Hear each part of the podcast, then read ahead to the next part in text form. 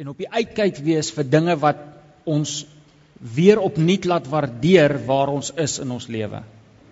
OK, elke nou en dan gebeur daar dalk iets wat jou net weer laat sit en dink en sê dankie Here vir waar ek is in my lewe. Gister kom Janine by die huis aan met hierdie baba sokkies. En my lewe is verkort met 3 en 'n half minute toe sy by die deur instap. Toe sê sy nee man, dis vir Kenneth hulle se kleintjies wat nou kom, die twee seentjies wat op pad is. En in daardie oomblik toe waardeer ek opnuut waar ek is in my lewe. So Kenneth bless you these are for you and Karen and the little ones they are not mine thank you Jesus. So wees op die uitkyk, ek wil julle bemoedig, wees op die uitkyk vir dinge wat jou laat waardeer waar jy is in jou lewe. Ons is natuurlik besig met die reeks 7 jaar van geloof en verwagting en in hierdie reeks kyk ons na die 7 jaar van ons gemeente se geskiedenis tot nou. Ons kyk en ons sien hoe die Here ons gedra het en ons neem dan uit hierdie 7 jaar beginsels wat ons kan toepas op ons eie lewens en op die 7 jaar, die 20 jaar en die 100 jaar wat vir ons voorlê. Ons het in die eerste boodskap van die reeks het ons gesien dat ons kan en moet met 'n verwagting lewe. God gaan groot dinge doen in jou lewe en in die lewe van hierdie gemeente vorentoe. Die Bybel sê ons moenie die dag van klein beginne gering skat nie.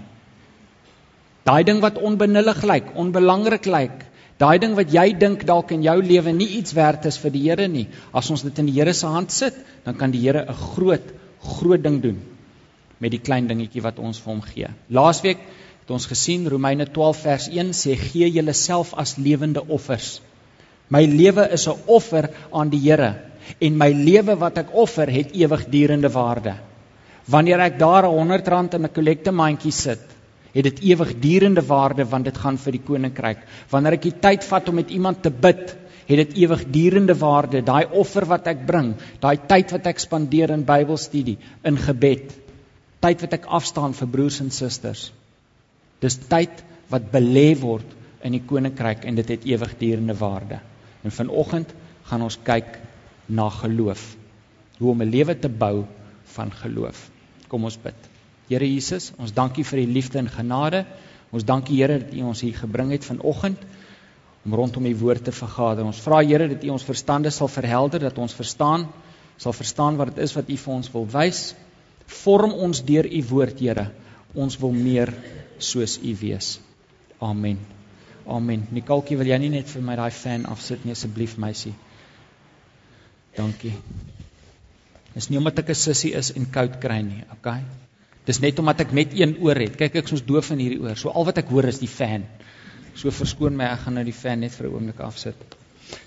Klompie jare terug ek 'n visie in my hart gekry en ek het gevoel die Here roep vir my en my gesin om nuut te begin. Die Here het my 'n visie gegee en ek het gebid daaroor en Janine en ek het gepraat daaroor. En ons het met mense gesels wat insaag in ons lewe het. Mense wat 'n pad met die Here gestap het. En hoe meer ons gebid het hieroor, hoe meer ons met mense gepraat het, hoe meer oortuig het ek in my hart geword dat dit is wat die Here wil hê ek moet doen. Ek moet hierdie nuwe ding aanpak vir hom. En wat ek toe gedoen het is my huis verkoop. Ek en Jean het ons werk bedank. Ons het die kinders opgepak en ons het getrek. Met 'n lied in ons hart is ons die toekoms in om hierdie avontuur saam met Jesus uit te leef. En een vir een het elke deur wat oop was in ons gesigte toegeslaan. En elke verhouding wat ons op staat gemaak het vir hierdie nuwe begin het verkrummel. Tot die punt toe waar 5 maande na ons in die Kaap aangekom het, ek in my sitkamer sit 1 uur die oggend met trane wat oor my wange rol, wat so warm is ek was bang hulle gaan letsels op my wange laat. Hopeloos my geloof vernietig. Daardie oggend het Janine die laaste R50 getrek wat ons in ons lewens ooit bymekaar gemaak het. Ons het al ons geld spandeer om te probeer oorleef Nie ek of sy het stabiele werk of stabiele inkomste gehad nie. My kinders was ongelukkig. Daar het letterlik niks gekom van dit wat ek in my hart geglo het die Here wil hê ons moet doen nie.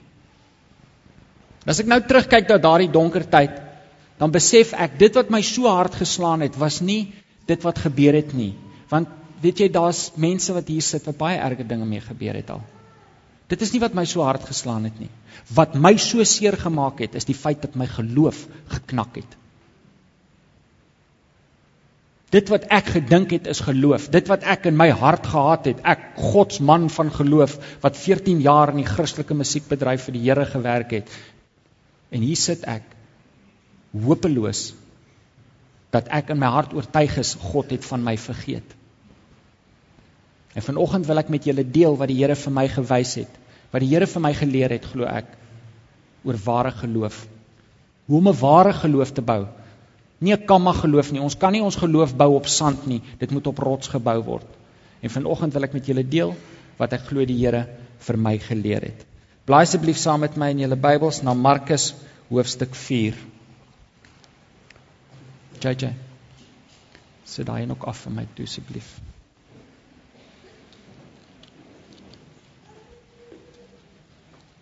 Kenneth, paar jaar van nou af gaan jy 'n klomp laities daai wat jy ook kan sê gaan sit die fan af asseblief. En hier's hulle kouse, moenie dit vergeet nie, hoor. Jou kouse. Markus 4, ons lees van vers 35.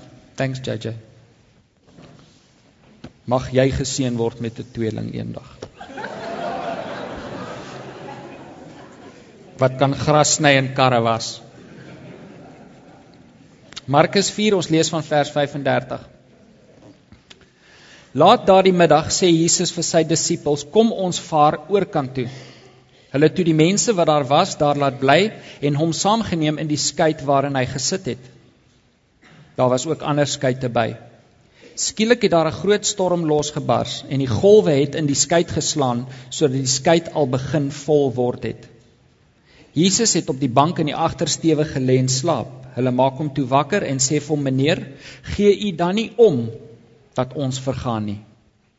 Toe staan Jesus op, bestraf die wind en sê vir die see: "Hou op, bedaar." Die wind het gaan lê en daar het 'n groot stilte gekom. Toe sê hy vir hulle: "Waarom is julle bang? Het julle dan nie geloof nie?" Hulle is met groot onsag vervul en het vir mekaar gesê: "Wie kan hy tog wees dat selfs die wind en die see hom gehoorsaam. Waarom is julle bang? Het julle dan nie geloof nie? Toe ons by die huis intrek waar ons nou is, was daar so 'n jong plataanboom wat daar in die tuin gegroei het. Ek het nie geweet dis 'n plataan nie. Oom Koos het nou die dag vir my gesê dis 'n plataanboom. Maar dit was so ou dun tingerige boontjie gewees.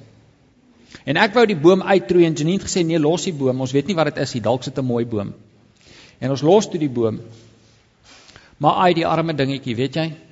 Dan steek 4 uur die middag gaan steek hy hierdie noordweste wind op wat deur Durban wil sny, nê. Nee.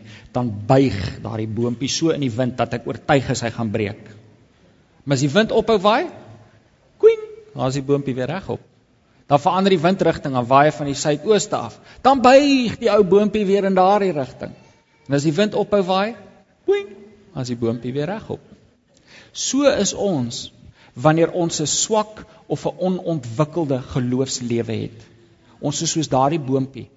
Elke wind, elke storm, elke golf, dan buig ons.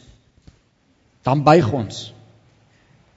Jy maak die koevert oop en jy sien die SARS logo bo aan die bladsy, dan hou jy op kerk toe kom vir 'n maand want kyk wat doen die Here nou alweer met my. Né? Nee. Elke storm, elke wind en elke wolk gooi ons om dan is ons soos daardie dun boontjie. Daar's nie krag nie. Ons het nie wortels wat ons regop hou nie. So moet dit nie wees nie, hoor. Ons is gelowiges. Ons is die wat glo. Ons is die wat geloof het. Ons as Christene moet 'n sterk geloof hê. Ons moenie soos die boontjie elke keer buig as die wind waai nie. En baie kere is dit omdat wat ons het nie ware geloof is nie. Ek het gebuig omdat wat ek in my hart gehad het nie ware geloof is nie. So wat is ware geloof? Wel, voor ek sê wat ware geloof is, Kom ons kyk gou-gou net eers na wat ware geloof nie is nie. Kan ons dit doen? Ek dink dit sal ons help as ons kyk na wat ware geloof nie is nie. Dis nie op julle raamwerke nie, maar julle is welkom om notas te maak. Daar's twee of drie van hulle wat ek gaan noem. Ware geloof is nie, hoor mooi. Ware geloof is nie om te glo dat God sal doen wat ek wil hê nie. Ware geloof is nie om te glo dat God sal doen wat ek wil hê nie. Psalm 115 vers 3 sê ons God is in die hemel. Hy doen wat hom behaag. God doen wat hom behaag, nie wat my behaag nie. En ek dink baie kere is dit wat ons geloof noem is bloot ons begeertes wat ons op God projekteer en nou moet God doen wat ek wil hê en ek noem dit geloof. Ek werk in 'n plek waar die baas lelik is met my en hy betaal my nie genoeg geld nie. Is dit verkeerd van my om 'n ander werk te wil hê? Nee. Mag ek die Here vra vir 'n ander werk? Ja. Filippense sê bring al jou begeertes na God in gebed. Ek mag 'n ander werk wil hê. Ek mag die Here vra vir 'n ander werk. Maar mag ek sê ek vertrou God vir 'n ander werk? Nee. Want nou gee ek my begeerte die titel geloof. Ek vertrou nou God vir 'n ander werk. Wat is die Here jou daar wil hou? Sodat jy in daai moeilike omstandigheid vir iemand anders ter Christus moet wys. Wat is die Here jou daar wil hou omdat hy in jou hart iets wil verander? En wanneer jy daai les geleer het, dan sal die Here jou na die volgende plek toe vat in jou lewe. Maar wat doen ons? Ons sit in die klaskamer van God en kyk by die venster uit. Ek vertrou die Here vir daai ding daar. Dis nie geloof nie. Dis nie geloof nie. God is nie verplig om te doen wat ek wil hê as ek net hard genoeg glo nie. Ons God is in die hemel. Hy doen wat hom behaag. Hy doen wat die beste is vir jou. En dalk is die beste vir jou om nou daar in daardie klaskamer te sit en daardie les te leer wat die Here vir jou wil leer. Begeer 'n ander werk. Vra vir die Here vir 'n ander werk. Maar tot die Here vir jou 'n ander werk gee, wees getrou waar jy is om meer soos Jesus te wees en op te tree daar. Want weet julle wat gebeur wanneer ons dit doen? Gewoonlik in ons lewe wanneer ons sê ek vertrou nou die Here vir daai ding, dan begin ons 'n slegte houding hê waar ons nou is. Want ons kyk by die venster uit die hele tyd in ons lewe. Ons moenie lewe daar nie. Ons moet lewe hier waar die Here ons nou gesit het. Paulus en Silas was in die tronk, in die tronk. En wat het hulle gedoen? Geloof en prys. En Pieter, hulle het gesing tot eer van die Here. Hoekom? Want hulle het, hulle dit geniet? Nee, maar het geweet waar ons nou is, is waar God ons nou wil hê en daar het hulle die wonderwerke van God gesien gebeur in die tronk. Ware geloof is nie om te glo dat God gaan doen wat ek wil hê nie. Nommer 2 ware geloof is nie ontkenning nie. Ek was in 'n kerk gewees waar jy nooit iets negatief mag sê nie. Nooit. Mag nie oor jou lippe kom nie. So die ou kom kerk toe, Sy oë is opgeswel. Ekskuus tog, sy oë is opgeswel, sy neus loop. Hy is so van die griep in sy gewrigte, hy kan omtrent nie loop van die pyn nie. En hy sê vir my Gert, is jy siek? Nee, prys die Here, ek is gesond in sy naam. Sê vir my, hoorie regtig, ek beloof jou jy's siek. Ek's 'n dokter, ek kan sien jy's siek. Nee, prys die Here, ek is gesond. Mag nie iets negatief sê nie. As jy iets negatief sê dan hoor jy waar's jou geloof? Hoe gaan dit met jou? Nee man, dit gaan maar bietjie sleg hierdie week. Nee man, Christen praat nie so nie. Waar's jou geloof? Nee. Dis ontkenning, hoor, dis nie geloof nie. Daar's 'n verskil. Filippense 4. Hoor wat sê Paulus? Ek weet wat armoede is en ek weet wat oorvloed is. Van alles het ek ondervinding om genoeg te hê om te eet sowel as om honger te ly, om oorvloed te hê sowel as om gebrek te ly. Ek is tot alles in staat deur hom wat my krag gee. Hoor wat sê Paulus? Ek ken honger. Ek ken behoeftes. Ek ken die tronk. Ek ken pyn. Ek ken eensaamheid. Ek ken slegte tye. Maar ek is tot alles in staat deur Christus wat my krag gee. Daardie versie word baie kere gebruik deur mense wat by die venster uitkyk in hulle lewe. Ek glo die Here vir ander werk en ek gebruik nou net 'n voorbeeld, hoor. Ek vertrou die Here vir ander werk want ek kan alles doen deur hom wat my krag gee. Dis presies wat daai vers nie sê nie. In daardie vers sê Paulus, luister, of ek honger is en of ek genoeg het om te eet, of ek ryk is en of ek arm is, of dit met my goed gaan en of dit met my sleg gaan, ek kan bly staan in my geloof waar ek is. Hoekom? Want hy gee my krag. Die Here gee vir jou krag. Jy dink dalk jy kan nie bly staan waar jy is nie. Jy kan. Want dis hy wat jou dra. Dis hy wat jou die krag gee.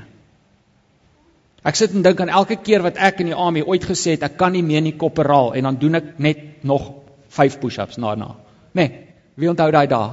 Ek kan nie meer nie kopperaal. En dan doen jy maar nog 6. Miskien is jy op 'n stadium in jou lewe waar jy voel ek kan nie nog 'n dag nie. Ek kan nie meer nie. Here, ek kan nie. Weet jy wat? Jy kan. Want nou besef jy dit is nie jy nie. Dit is hy wat jou dra. Dis hy wat jou krag gee. En dit is waar ons geloof gaan groei. Geloof is nie ontkenning nie. Bring jou behoeftes. Erken jou behoeftes. Maar onthou dat God saam met jou is in jou behoeftes. So wat is ware geloof dan? Hebreërs 11 vers 1. Hebreërs 11 vers 1. En ek lees die vers uit die nuwe direkte Afrikaanse vertaling. Net die Nuwe Testamente sal uitmaak. Baie opgewonde oor hierdie vertaling. Hebreërs 11:1 Geloof egter is sekerheid van die dinge wat gehoop word, 'n bewys van die dinge wat nie gesien word nie. Geloof is sekerheid van die dinge wat gehoop word, 'n bewys van die dinge wat nie gesien word nie. Op julle raamwerke. Geloof is die vertroue dat God sal doen wat hy sê. Baie eenvoudig. Geloof is die vertroue dat God sal doen wat hy sê. Nomeri 23 sê God is nie 'n mens dat hy sou lieg nie. God is nie 'n mens dat hy van gedagtes sal verander nie. Sal God iets sê en dit nie doen nie? Sal God iets beloof en dit nie uitvoer nie? Dis 'n retoriese vraag en die antwoord is nee. Met God in Christus is elke belofte ja en amen. Geloof is om te glo dat wat hier staan waar is. Matteus 28 Jesus sê vir sy disippels, kyk, ek is met julle tot die volëinding van die wêreld. Glo ons dit? Dis geloof.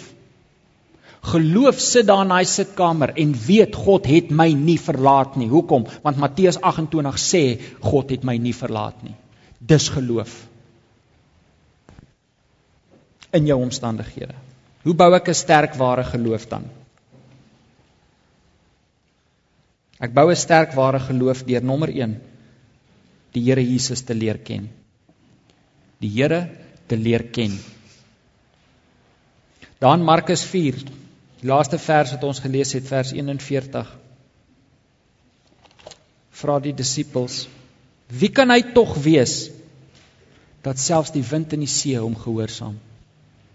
En ons lees dit as 'n kompliment. Dit was nie 'n kompliment nie. Hulle het regtig nie geweet wie Jesus was nie, hoor? Hulle het op daardie stadium dus nog in die begin van Jesus se bediening, het hulle dalk gedink Jesus is 'n politieke leier wat hulle gaan bevry van die Romeine of Jesus is net 'n baie diep geestelike leier. En hier maak hy die wind stil. Hulle het dit nie verwag nie. Hulle wou eintlik net gehad het die Here moet saam met hulle paniek. Wie kan hy wees? Dat hy die wind en die see gehoorsaam. Ons moet die Here leer ken, want as jy die Here Jesus leer ken in 'n intieme persoonlike verhouding, dan sal jy weet dat jy nie alleen in daardie sitkamer sit en huil nie. Want jy sal weet hoe lief hy jou het. As ons die Here leer ken in 'n verhouding, intieme verhouding, dan groei ons geloof want ons leer hom ken. Daar is goed van my vrou nê. Nee. As jy vir my sê Janine dit en dat gesê, dan weet ek of jy jok of jy dit misverstaan of dis nie Janine nie, want ek ken haar. Ek weet wat sy sal en nie sal doen nie. Meeste van die tyd. Sy verras my elke nou en dan. Meestal op 'n mooi manier. OK, ons moet die Here leer ken. Nommer 2, ek bou 'n sterk ware geloof deur die Bybel te lees. Deur die Bybel te lees. Romeine 10:17 sê die geloof is dus uit die gehoor en die gehoor is deur die woord van God. Geloof kom deur die gehoor en die gehoor kom deur die woord van God. In ander woorde, wanneer ek vir iemand die woord van God bring, dan saai ek saad van geloof. Ek gee vir daardie persoon geloof deur die woord van God vir hom te gee. En spesifiek in Romeine 10 praat Paulus daarvan mense wat tot redding moet kom. En hy sê, luister, iemand het geloof nodig om gered te word. Jy gee vir hom die geloof deur die woord van God vir hom te gee. Dis hoekom ons nooit iemand kan evangeliseer deur die woord uit te laat nie. Daar's 'n beweging in die wêreld. Hierdie ouens noem hulle self die nuwe hervormers. En dis vir my dis vir my skrikwekkend dat hulle hulle self sal vereenselwig met sulke mense van die woord, maar hulle noem hulle self die nuwe hervormers. En wat hulle sê is dit: as jy vir iemand gered wil kry, dan moet jy sy pel word, jy moet sy vriend word. Maar om nou sy vriend te word, moet jy die woord van God net so effens op sy skuif dat jy hom nie afronteer nie. So jy moenie met hom praat oor die Bybel of iets nie. Jy kan met hom praat oor baie dinge, maar jy moenie met hom praat oor die Bybel nie. Moenie vir hom Bybelversies quoteer en so nie want jy gaan hom afronteer. So jy word nou eers pelle saam met hom en as jy nou bietjie saam met hom kan sondig, dan is dit nou nog nog beter. Alraai? Nee, ek is ernstig, hoor. Jy moet saam met hom daar in die kroeg gaan sit en 'n dop drink. Alraai? Dan wanneer hy nou jou buddy is, dan kan jy nou op 'n baie subtiele manier die woord vir hom gee, maar op so 'n manier dat hy half ook nog steeds nie agterkom is die Bybel nie. Nou klink dit vir julle soos die Here. Klink dit vir julle soos die Heilige Gees se manier van werk? Nee. Paulus sê dan juis hierso jy gee vir iemand geloof deur vir hom die woord van God te gee. Wanneer iemand nie gered is nie, moet jy vir hom sê. Romeine 3 vers 23 sê almal het gesondig. Niemand het deel aan die heerlikheid van God nie. Jy moet vir hom sê Johannes 3 vers 16 sê want so lief het God die wêreld gehad dat hy sy enige gebore seun gegee het sodat almal wat in hom glo nie verlore mag gaan nie maar die ewige lewe sal hê. Jy moet vir hom sê as jy in jou hart glo en met jou mond bely dat die Here Jesus die Here is, dan sal jy gered word. Jy moet vir hom sê 1 Korintiërs 5:17 sê as enige mens in Christus is, is hy 'n nuwe mens, die ou dinge is verby. Jy moet vir hom die woord van God gee want deur daai woord van God vir hom te gee, saai jy saad van geloof in sy hart, né? Nee? Hoeveel te meer sal dit nie waar wees van ons wat reeds gered is nie? Hoe kry as die ongeredde persoon geloof kry deur die woord wat verkondig word? Hoe kry ek en jy geloof? Deur die woord wat verkondig word. Hoe groei ons ons geloof? Deur die woord wat verkondig word. Hoe vermeerder ek my geloof? Hoe maak ek seker my geloof is sterk dat my wortels diep gaan? deur die woord van God aan te hoor. Geloof is die vertroue dat wat God sê, hy sal doen. Ek moet dus weet wat God sê. Ek kan nie op 'n belofte van God staan as ek die belofte nie ken nie. En dis hoekom dit so belangrik is dat ons op die woord moet staan in ons geloof. Nou miskien sê jy vir my Alex, ek ken nou nie die Bybel so goed soos jy nie, maar ek weet wat die Here in my hart vir my gesê het, né? Nee? En ek is bly. Kan ons bemoedig word deur wat die Here in ons hart vir ons sê? Natuurlik. Natuurlik. Kan ek vertroos word deur wat die Here in my hart vir my sê? Natuurlik. Maar Jeremia 17 sê die hart is meer bedrieglik as enigiets anderster. Jy kan nie jou geloof daarop bou nie. Die hart is bedriegliker as enigiets anders. Jeremia 17 vers 6. Daar is soveel emosies en gedagtes in jou hart. Ek ervaar 17 emosies per uur. Ek sien van daai ouens. Ek is regtig. Ek ervaar 17 emosies 'n uur. Ek kan nie bekostig om my geloof te bou op wat ek voel in my hart nie. Ek moet my geloof bou op wat die waarheid is in die woord van God, want hierdie is rots. Hierdie is klei.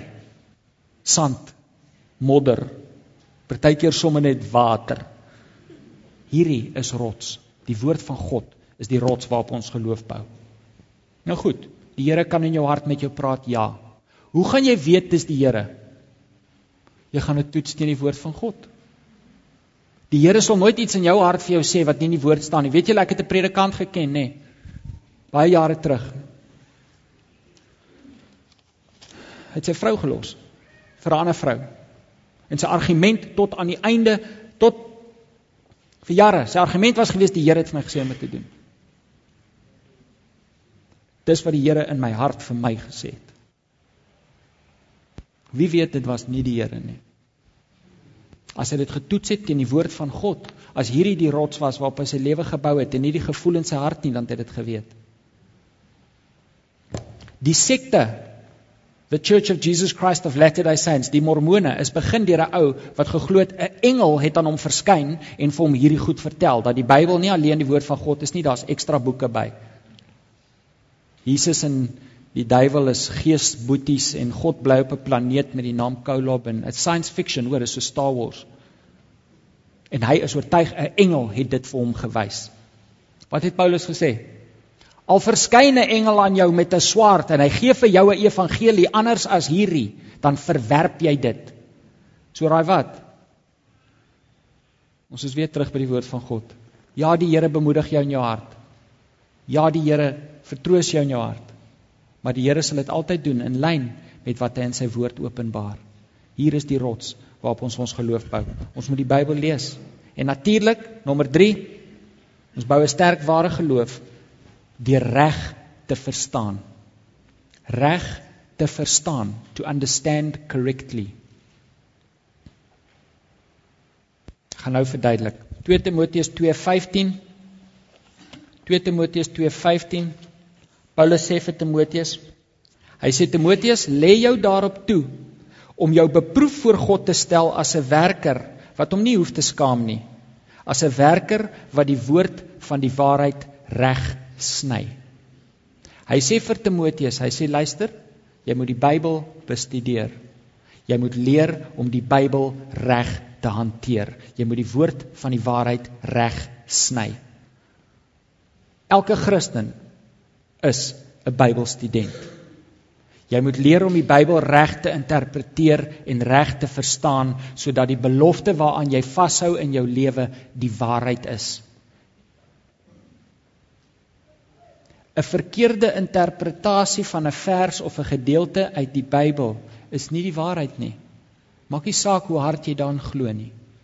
Jy moet die waarheid verstaan. Hoor julle wat ek sê? Julle moet die waarheid verstaan. Die Jehova getuies ontvang nie bloedoortappings nie. Weet julle hoekom? Want die Bybel sê jy mag nie 'n dier se bloed eet nie. Hulle sal nie toelaat dat hulle kinders bloedoortappings in hospitaal kry nie, want die Bybel sê jy mag nie bloed eet nie. Is dit 'n verkeerde interpretasie? Hulle glo dit met hulle hele hart. Hulle sal staan en kyk hoe iemand doodgaan in 'n hospitaal. Hulle sal nie vir hom bloed gee nie. Het hulle die waarheid? Nee. Ons moet die Bybel bestudeer. Dis hoekom ons hier is vanoggend. Want ons wil verstaan wat die Here vir ons sê. Lukas 24 vers 45 sê: Toe open Christus, dit praat van die mense wat gestaan en luister het na sy woorde. Toe open Christus hulle verstand om die skrif te verstaan.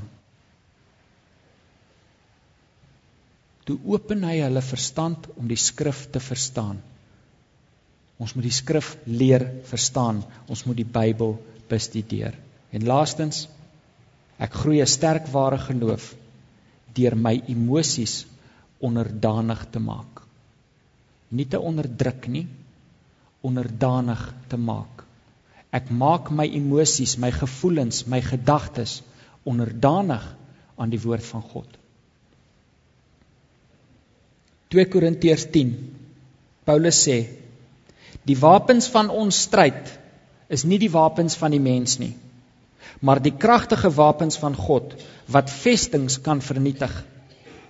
Met hierdie wapens vernietig ons die redenasies en elke hooghartige aanval wat teen die kennis van God gerig word. Ons neem elke gedagte gevange om dit aan Christus gehoorsaam te maak. Luister mooi, watse vestings moet ons afbreek as Christene? Die vestings hier tussen ons ore. Die vestings wat Paulus van praat hier in Korintiërs is die vestings in ons gedagtes. Dit is jou emosies. Dis jou gevoelens. Dis die versoekings. Dis nie een of ander misterieuse mistieke vesting. Dis in jou gedagtes. Hy sê die gedagtes ehm um, die wapens van ons stryd word gebruik om die gedagtes gevange te neem in gehoorsaamheid aan Christus. En een van daardie wapens is die swaard, né, nee, is die woord. Hoe werk dit? Wel, wanneer jy daai voordeur oopmaak en 'n polisieman staan daar. In daai oomblik kom die gedagte by jou op. Waar is jou God nou? Wanneer jy die koevert oopmaak, Waar is jou God nou? Wanneer die dokter vir jou bel en sê jy beter inkom, ek wil jou sien. Waar is jou God nou? Dan staan die duiwel reg langs jou. En probeer vir jou oortuig dat jy alleen in hierdie stryd is. O, so jy het God vertrou, het jy? En waar is jou God nou? Dit is die gedagtes, die vestings wat Paulus van praat. In daardie oomblik moet ek nie dan hardloop as jy moet doen dit. Gaan hardloop, gryp 'n Bybel en soek 'n vers, absoluut. Kyk, doen dit. Maar jy moet reeds die woord van God in jou hart hê dat wanneer daai gedagte kom, waar is jou God nou? Kan jy sê hy hou my in sy hand. Johannes 10 vers 28 uit my hand ruk niemand hulle nie. Matteus 28 kyk ek is met julle tot die volëinding van die wêreld. Deuteronomium 31. Dit is die Here jou God wat saam met jou gaan. Moenie vrees nie, moenie bang wees nie. Wees volmoed. Hy sal jou nie begewe of verlaat nie. En wanneer daai gedagte weer opkom, dan sê jy weer vir die duiwel daai verse op. En wanneer die gedagte opkom, doen jy dit weer. Jy gaan alsommer twee nuus ook. En jy hou aan daardie stryd stry hier. Want dit is die oorlogsveld van 'n Christen. Ek sal baie keer aan die huis rondloop en murmureer. Ek kom dit nie agter nie. Dan sal Janine vir my sê, "Met wie beklei jy nou alweer?" Kyk, meeste van die tyd is dit met myself. Want ek is besig om hierdie vestings wat hier tussen my ore opbou te probeer afbreek. Die negatiewe emosies. Die neergedruktheid wat ek kan voel hoe ek my eie skouers afdruk in die lewe dan stry ek met myself. Ek haal van myself die woord aan. Maar weet julle, prys die Here, ek glo my, hoor. Maar is nie 'n geveg wat ophou nie. Die feit dat ek die woord lees, die feit dat ek die woord bestudeer, die feit dat ek by die waarheid wil kom van die woord van God, maak nie dat die aanvalle nie kom nie. Dit maak nie dat die storm nie woed nie. Dit maak nie dat die wind nie waai nie, maar dit maak dat wanneer hy bootjie so maak, ek nie sink nie. want ek weet waar ek is. Ek en die storm is in die Here se hand. Jy en jou storm is vanoggend in God se hand. Gaan kry die beloftes om op te staan. Om jou staande te hou in jou geloof. Ken jy julle kan maar kom. Daardie plataanboompie in ons tuin wat so gewaai het, nê? Nee, Hy's nou nie meer so klein boontjie nie. Ek wys vir Gordon gister, wys ek die boom. Ek sê vir hom daar's die boom wat ek oor praat môre. Dis nie 'n volwasse boom nie, maar hy's nou al so dik stam en diep wortels. En laas naweek sit en kyk ek hoe George en Daniel in die boom opklim. Toe kom die gedagte by my op, weet jy, ek onthou net 'n paar jaar terug wat daai boom nie eers homself kon regop hou nie. Né? Nee? Nou klouter hy die kinders daar in die boom op. Die boom het gegroei van waar hy homself nie kon regop hou nie tot waar hy nou ander kan dra.